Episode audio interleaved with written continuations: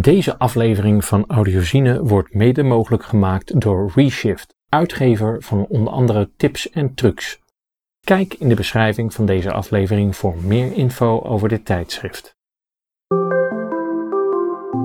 Welkom bij Audiozine, de Nederlandse luisterartikelpodcast, met in deze aflevering een artikel uit het tijdschrift Tips en Trucs, aflevering nummer 12 uit 2020.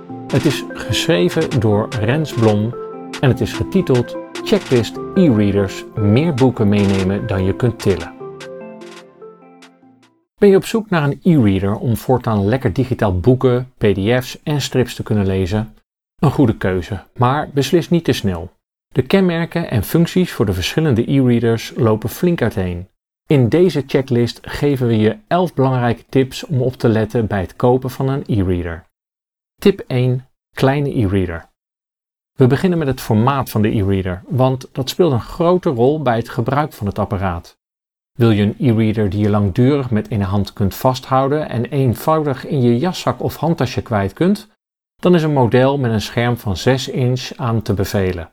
Dit type e-reader is qua schermgrootte vergelijkbaar met een gemiddelde moderne smartphone, maar heeft een vierkante scherm. Een e-reader van 6 inch weegt doorgaans minder dan 190 gram. Sommige exemplaren wegen zelfs 155 gram, wat praktisch evenveel is als een iPhone 8. Naast de compacte behuizing is de prijs een ander pluspunt. Veel e-readers van 6 inch kosten tussen de 99 en 199 euro, inclusief een officiële beschermhoes. Hoewel een kleine e-reader bijna net zo'n lange accuduur biedt als een grote model, is de schermkwaliteit van deze modellen doorgaans minder. Het display telt minder pixels per inch, de ppi, en oogt daarom minder scherp. Een regelrechte bezuiniging, al zal de een het meer opvallen dan de ander. Wil je zeker weten dat het beeld echt scherp is?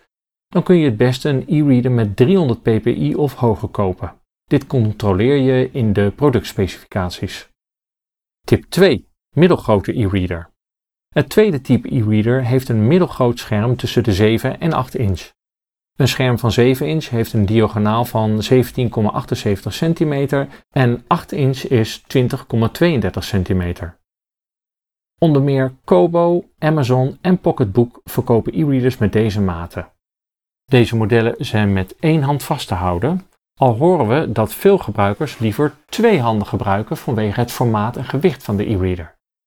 Het grote scherm leent zich beter voor PDF's met visuele elementen en er past ook meer reguliere tekst in beeld. Dat is niet altijd prettig als je zoveel mogelijk letters op één pagina wilt hebben, maar ook als je je leesbril niet bij de hand hebt en daarom wat grotere letters wil zien. Zo'n 7 tot 8 inch model is groter dan een smartphone en iets kleiner dan een iPad mini. Deze modellen kosten gemiddeld tussen de 179 en 279 euro, afhankelijk van het model en merk. Tip 3. Grote e-reader. Wil je een zo groot mogelijke e-reader, dan kun je het beste kijken naar een model van 10 inch. Dat zijn er helaas niet zoveel, maar nog wel genoeg om iets te kiezen te hebben. Een 10-inch model heeft een schermformaat dat vergelijkbaar is met een groter formaat Samsung tablet of een iPad Air en heeft een diagonaal van 25,4 cm.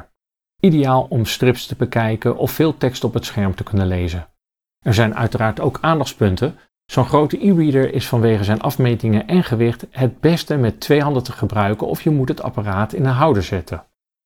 Een ander aandachtspunt is de prijs. Een 10-inch model is aanzienlijk duurder dan een kleiner alternatief. Zo betaal je voor de 10,3 inch Pocketbook Inkpad X zo'n 419 euro en kost de Onyx Books Note 10,3 inch 399 euro. Vanwege het flinke formaat en prijs raden we aan zo'n grote e-reader eerst fysiek uit te proberen voordat je hem koopt. Tip 4. Ontwerp. De schermgrootte is niet het enige uiterlijke kenmerk waar je op moet letten bij het kiezen van een e-reader. Een deel van de e-readers is bijvoorbeeld waterdicht. Dat is niet alleen handig als je graag aan de rand van het zwembad of op het strand leest, maar ook hoef je je geen zorgen te maken als je bijvoorbeeld een glas water omstoot over het apparaat. De meeste waterdichte e-readers hebben een IPX8 certificaat. Dit betekent dat de behuizing bestand is tegen een uur op meer dan een meter diepte in zoet water. Let ook op de plaatsing van de fysieke knoppen op de e-reader. Sommige modellen hebben nauwelijks knoppen, wat betekent dat je het scherm bedient door erop te tikken. De een vindt het prettiger, terwijl de ander liever het relief voelt van een echte knop. Ook goed om te weten is dat de meeste e-readers helaas nog via een oude micro-USB-poort opladen. Een kleiner deel van de modellen gebruikt de nieuwe USB-C-aansluiting, die tegenwoordig ook in de meeste smartphones, tablets en laptops zit.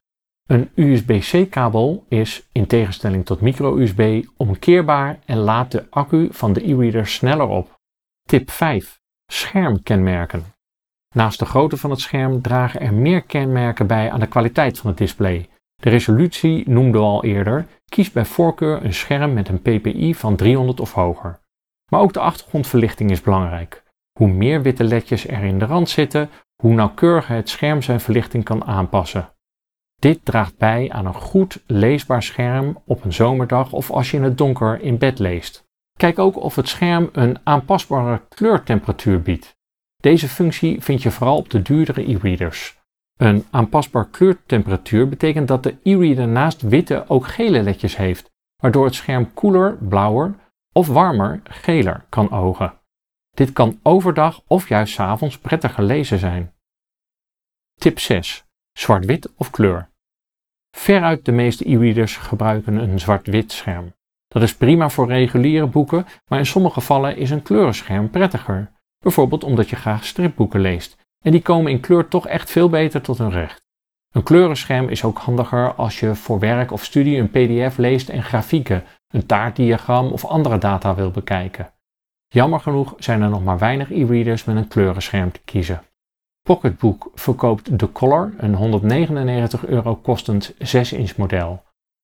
Onyx biedt de Books Pocket 2 aan, ook voorzien van een 6-inch scherm. Maar deze e-reader is op het moment van schrijven nog niet voor de Nederlandse markt aangekondigd en kost 299 dollar in de Verenigde Staten. Houd er ook rekening mee dat deze e-reader kleuren minder scherp weergeeft dan grijstinten. De pixeldichtheid per inch bedraagt 100 tegenover 300, waardoor gekleurde strips er duidelijk minder mooi uitzien.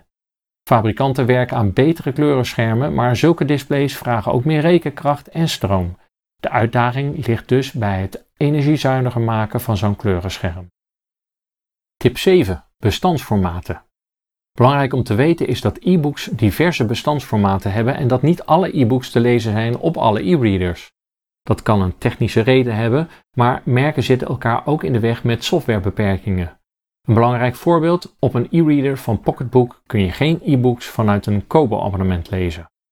Abonneer je dus niet op Kobo Plus als je een Pocketbook model overweegt.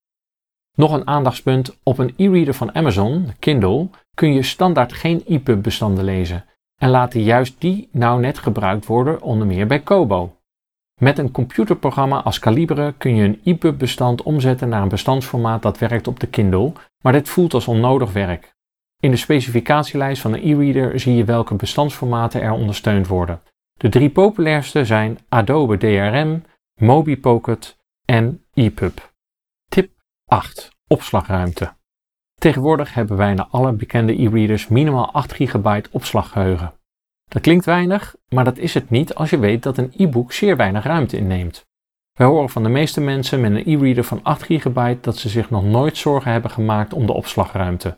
Je kunt er namelijk een paar duizend e-books tegelijkertijd op kwijt. Voor wie echt veel boeken tegelijkertijd op zijn e-reader wil hebben staan, zijn er modellen met 16 of 32 gigabyte opslaggeheugen. Houd er rekening mee dat je het opslaggeheugen doorgaans niet kunt uitbreiden met een microSD-kaartje. Natuurlijk is het wel mogelijk om eens gelezen boeken te verwijderen van het geheugen om zo ruimte vrij te maken. Een ander aandachtspunt is dat een stripboek of audioboek aanzienlijk meer ruimte inneemt dan een e-book. Tip 9. Audioboeken. Als je liever naar boeken luistert in plaats van ze leest, kun je je smartphone gebruiken en oordopjes aansluiten of via de luidspreker de verhalen beluisteren. Je telefoon heeft opslagruimte genoeg voor de audioversie van een e-book en past doorgaans goed in je broekzak. Wil je de zaken liever gescheiden houden? Een deel van de e-readers is ook geschikt om dergelijke audioboeken af te spelen.